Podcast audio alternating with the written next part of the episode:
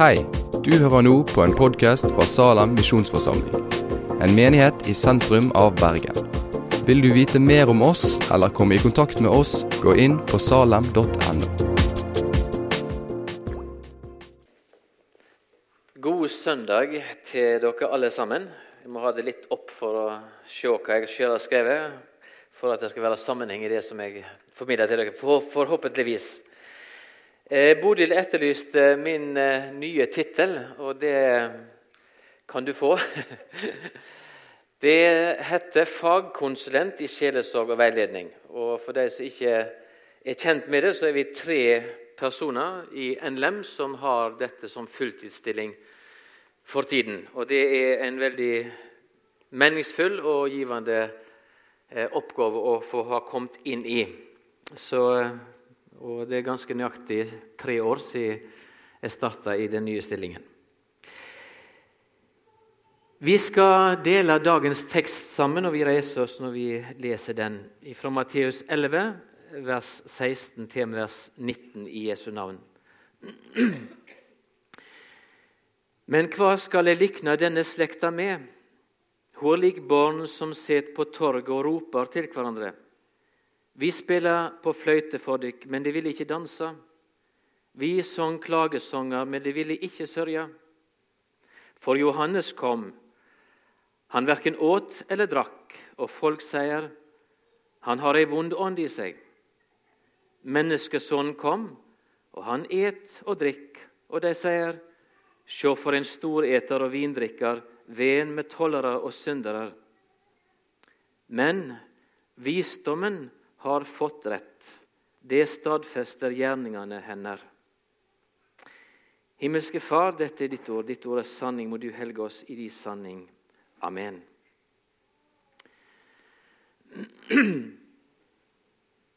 Det oppleves, eh, tror jeg, aldri godt å erfare at uansett hva du gjør, så er det alltid noen som må klage.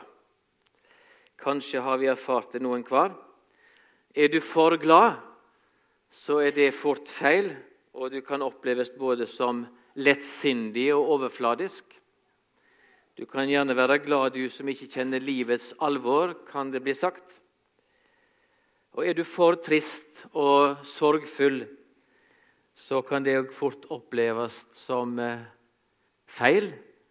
Eh, det Livet er for kort til å gå rundt og være trist og lei. Det heter vel i en gammel sang at 'til laks at alle kan ingen gjøre'. Det er noe gammelt og vil så være. Nøkkelen til å forstå teksten vår i dag den finner vi i siste setningen som vi leste. Men visdommen har fått rett. Det stadfester gjerningene hennes. Visdommen står med stor V og i entall. Og Det betyr at det ikke er visdom generelt, men det er en bestemt visdom en uforanderlig visdom, nemlig Guds visdom og Guds rikes visdom, som det viser hen til. Og Den skal vi komme tilbake til, forhåpentligvis mot slutten. Eh, men vi skal starte med det som er Jesu innledende spørsmål. Hva skal jeg likne denne slekta med? Og Når han snakker om slekt, så er det ikke bestemt ett han tenker på, men det er en det er oss som menneskehet. Menneskeslekta, sier ofte Guds ord. Hva skal jeg likne menneskeslekta med?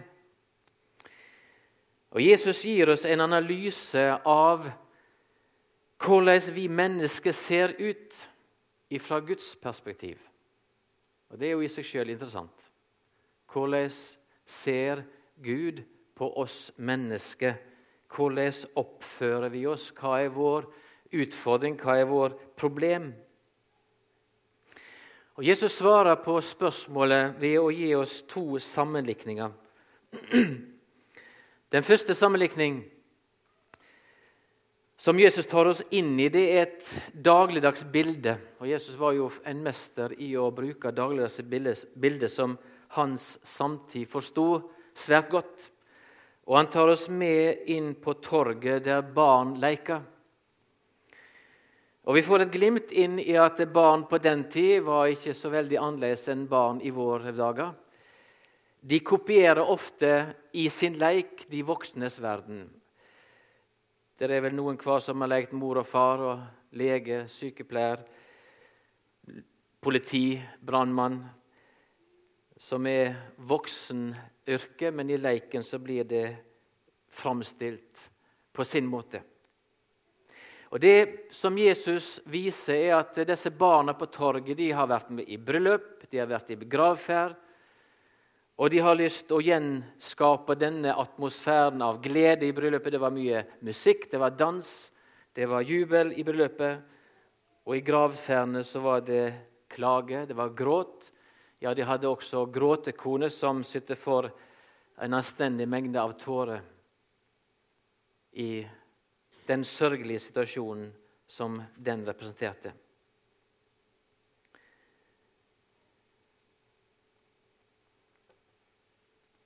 Men så ser vi at disse, denne invitasjonen til denne leiken gir ingen respons.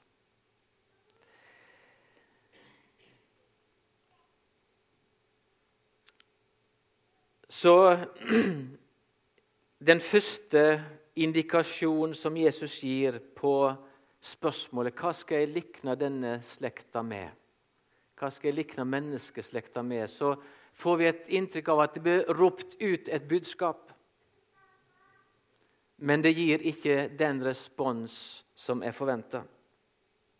Og vi aner i hele dette kapittelet, vi kan gjerne lese det, eh, så aner vi i alt det som står rundt denne teksten vår i dag, at dette har i aller høyeste grad med det budskapet som Guds rike roper ut til oss og forkynner oss.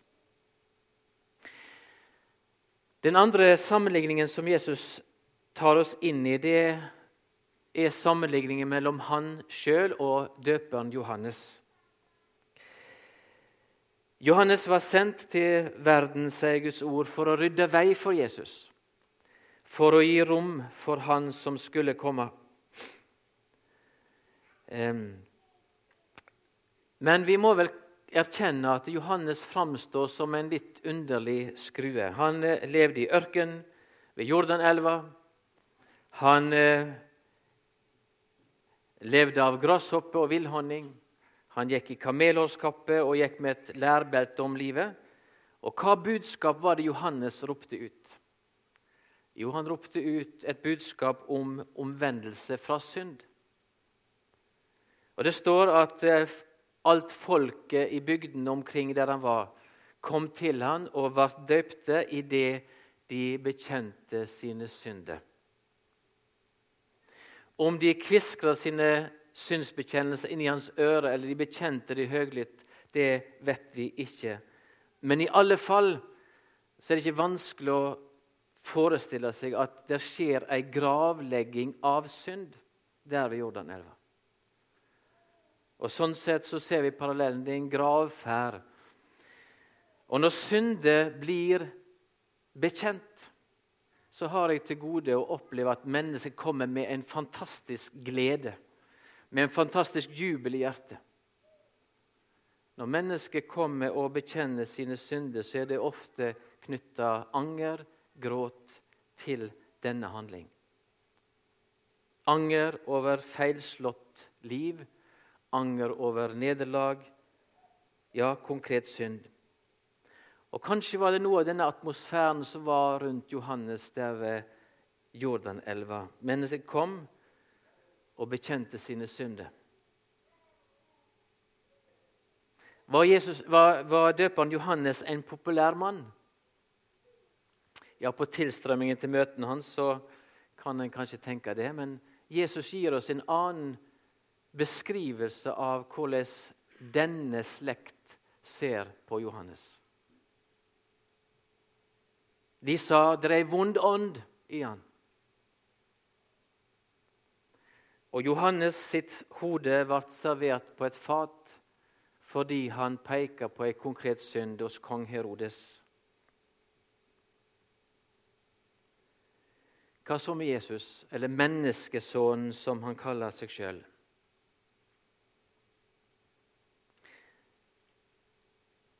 der Johannes blir framstilt som festbremsen som verken et eller drikk, så framstiller Jesus seg sjøl som festløva, som både eter og drikker. Se for en stor eter og vindrikker, ren med tollere og syndere. Kan oppleves som den rake kontrast til Johannes. Og hva var det Jesus ropte ut til og ropa ut til denne slekt? Han ropa ut et nådens år, sier Guds ord. Nåde, tilgivelse for synde. Og Jesu budskap kaller vi for evangelium, det gode budskap. Var Jesus populær? Jesus ble nagla til et kors på grunn av budskapet han ropte ut. Så konklusjonen på det som Jesus stiller som spørsmål ut ifra det han svarer sjøl, men hva skal jeg likne denne slekta med, må være at uansett hva Gud gjør og tilbyr oss og roper til oss, så vil vi ikke ha det.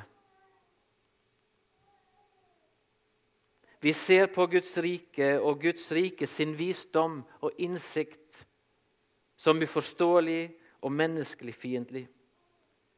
Den er formanende og frarøver oss vår frihet. Ja, den er rett og slett undertrykkende, hører vi ofte. Så bort med det. Bort, visk det ut, få vekk den kristne påvirkning og tru. Denne motstand er ikke ny. Og det er nettopp denne motstand i denne slekt Jesus peker på i teksten vår. Men det står et 'men'. Men visdommen har rett. Det stadfester gjerningene hennes. Det var en mann som eh, har skrevet ei bok. Vil si han har skrevet to bøker.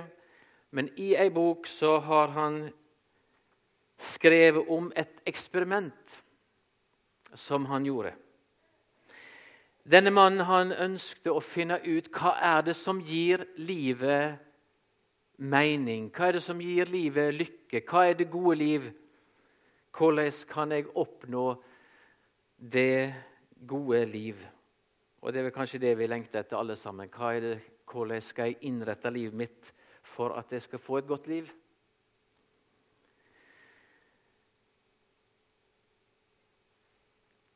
Og Han beskriver i boka hvordan han eh, gikk til denne, dette eksperimentet med krumhals.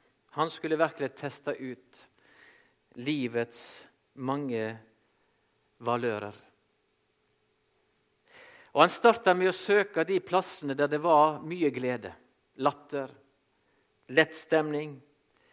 Og det var hyggelig og veldig kjekt å være med på ei tid. Men han fant ut at det, det ble litt for enkelt. Han måtte ha noe å gjøre, så han begynte å investere.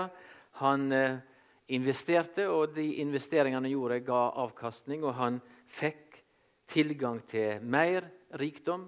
Han bygde mange hus, og han planta plantasje. Og alt han tok seg for, det gikk vel.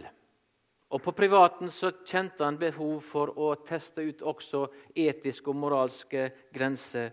Og det ble mange kvinner i hans liv, skriver han.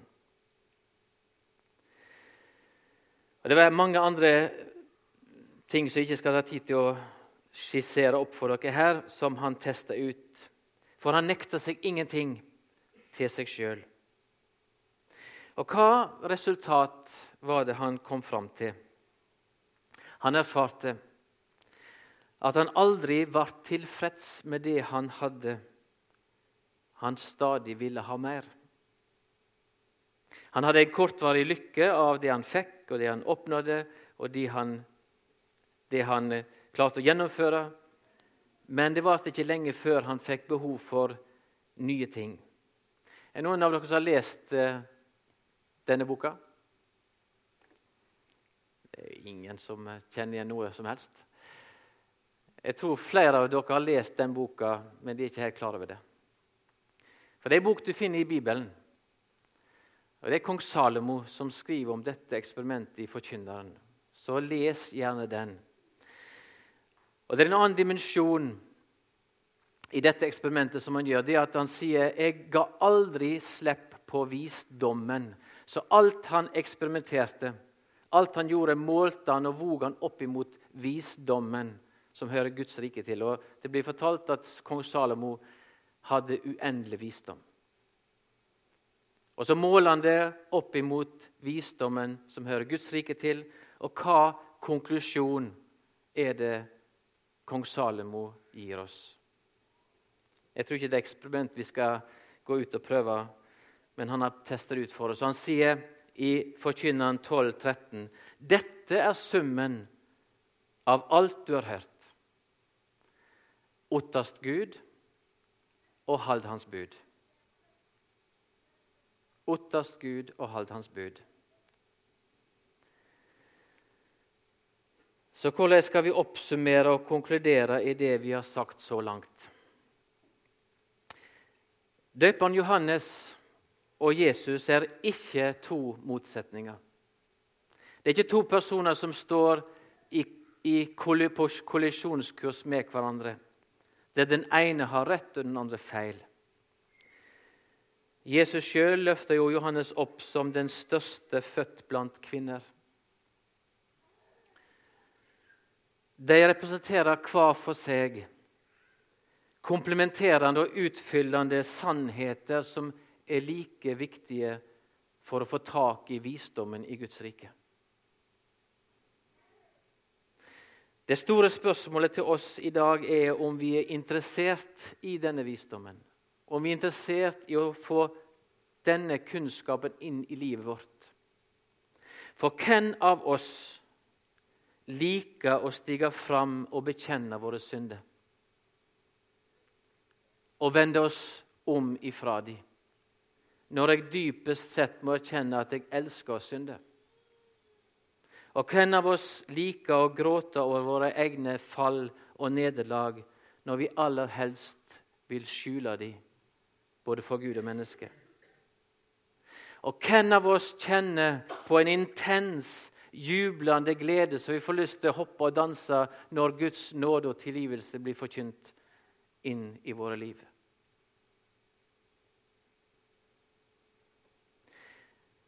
Guds rike roper et stort 'kom' til oss. En invitasjon til begge disse dimensjoner om vi skal få tak i visdommen og den dype glede som er i Guds rike. Et 'kom' til gråt og et 'kom' til glede.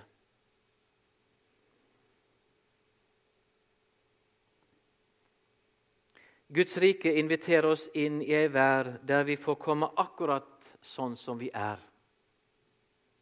Og brette ut våre hjerter for Han. Guds rike inviterer oss til å åpne opp de mørkeste rom som er skjult for alle andre. Og vi skal få lov til å invitere Jesus inn dit. I Lukas 7 så møter vi fortellingen om uh, hun som blir kalla som synderinne, og hun er i Simon sitt hus. Og Hun greter ved Jesu føtter. Hun hvete føttene hans med sine tårer og tørker de med håret sitt. Og Jesus står over henne. Det skjer mange ting der, men vi skal ta med oss det som han sier. Og Jesus sier de mange syndene hennes er tilgivne. Derfor har hun vist stor kjærleik. Men den som får tilgive lite, elsker lite. Og igjen så sier han, 'Dine synder er deg tilgitt'. Ei kvinne som var avslørt. Maskene var borte. Det var åpenbart for alle hva slags menneske hun var. Og Kanskje var det nettopp derfor syndere og tollere søkte Jesus, og Jesus trivdes sammen med dem. De var møtt i sitt dypeste mørke av en som så og allikevel elska. Og jeg tror dypest sett, kjære venner, så er det det vi lengter etter alle sammen. Noen som kan elske meg akkurat sånn som jeg er. Som ser mitt mørke, som ser mine mørke tanker, som ser mine sår og allikevel tåler meg.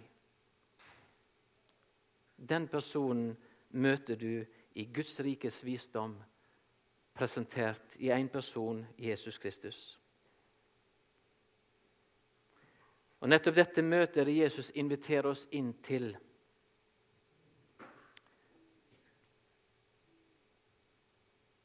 Men vi er ofte livredde.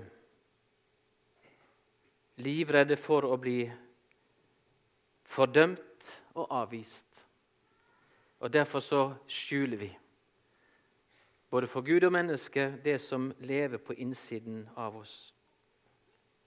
Jesus sier, 'Kom til meg' alle det som sliter og er tungt å bære. Jeg vil gi dykk hvile. Og Jesus sier, Sjå, jeg står dø framfor døra og banker. Og om noen hører min røyst og åpner døra, da vil jeg gå inn til han og holde måltid, jeg med han og han med meg. Festen og gleda skjer når Jesus kommer inn og skaper måltid sammen med deg. I denne fortellingen jeg viste til fra Lukas 7 om synderinna i Simons hus, så står det hun viste stor kjærleik. De to første fruktene av Den hellige ånds gjerning i våre liv, sier Guds ord, er kjærleik, glede, fred. Det var tre. Guds rike inviterer oss inn i denne friheten, festen og gleda. Men den djupe, vedvarende glede og tilfredsstillelse, ro, får jeg ikke tak i før jeg gir ifra meg det som jeg prøver å skjule, mine synder og mine nederlag. Men dersom vi sanner syndene våre, er Han trufast og rettferdig, så Han tilgir oss og renser oss fra all urettferd. Hvor ofte søker vi ikke lykke og glede et annet sted, også i kristen sammenheng, enn akkurat her? Det kan være i lovsang, det kan være i underholdning. Visst gir det glede. Men for mange så forsvinner den også like fort som de går ut av møtelokalet. Guds rikes visdom kaller oss inn i noe som er helt annerledes enn det denne verden kan tilby oss. Og så gjelder det ikke bare for det som gjelder min frelse. Det gjelder også hele mitt liv, her og nå. På heimebane, på arbeidsplass, i mellommenneskelige relasjoner. Så gjelder det. Og vi skal til slutt lese, ta også med oss det som står i 2. Timoteus 3, 15-16. Der Paulus skriver til sin unge medarbeider Timoteus.: Og helt fra du var et lite barn, har du kjent de hellige skriftene, som kan gi deg visdom til frelse ved trua på Kristus Jesus. Hver bok i Skrift er innande av Gud og til nytte i opplæring, formaning, rettleding og oppseing i rettferd så det mennesket som hører Gud til, kan bli fullt utrusta til all god gjerning. Det betyr at i Guds ord finner du kunnskap, visdom, ikke bare til frelse, men også til hvordan du kan leve et godt liv her og nå.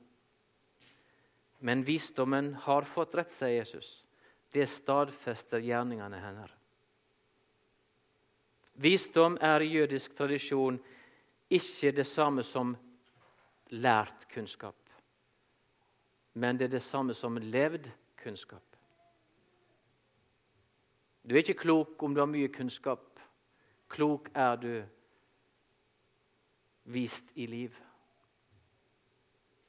Og Jesus er ganske overbevist i sin påstand om at den som vil innrette sitt liv etter Guds visdom, skal erfare at fruktene av de gjerninger du gjør, er gode. Ikke bare for deg, men også for dine medmennesker. Og heller ikke bare her og nå, men også for de frelse. Ta det med deg. Grunn på det. Guds visdom er tilgjengelig for oss i denne bok og ved Guds ånds åpenbaring. Tilrettelegging for dette livet, men aller mest for evigheten, skal vi be. Herre Jesus, vi takker deg igjen fordi at vi får lov til å lytte til ditt ord, og ber om at du får tale inn i den enkelte av oss sitt liv. Du ser hva vi trenger, Jesus. Vi trenger at du ser oss, at du tar oss imot med nåde og tilgivelse. Men du trenger deg aldri på et menneske. Men hjelp oss òg så vi ser og innser at du trenger å komme inn i alle deler av vårt liv og gjøre helt det som gått i stykker. Og lege de sår som er påført oss både av oss sjøl og andre, Herre Jesus. Gir oss hele, og som forsamling gir oss som hele sanne kristne til lys og salt i denne verden. I ditt hellige navn vi ber. Amen. Takk for at du har hørt på podkasten fra Salem, Bergen. I Salem vil vi vokse i et stadig dypere fellesskap med Gud og med hverandre. Vi vil være Jesu hender og føtter, og vi vil være med å forkynne frelse for Bergen og resten av verden. Besøk oss gjerne på salem.no om du vil vite mer.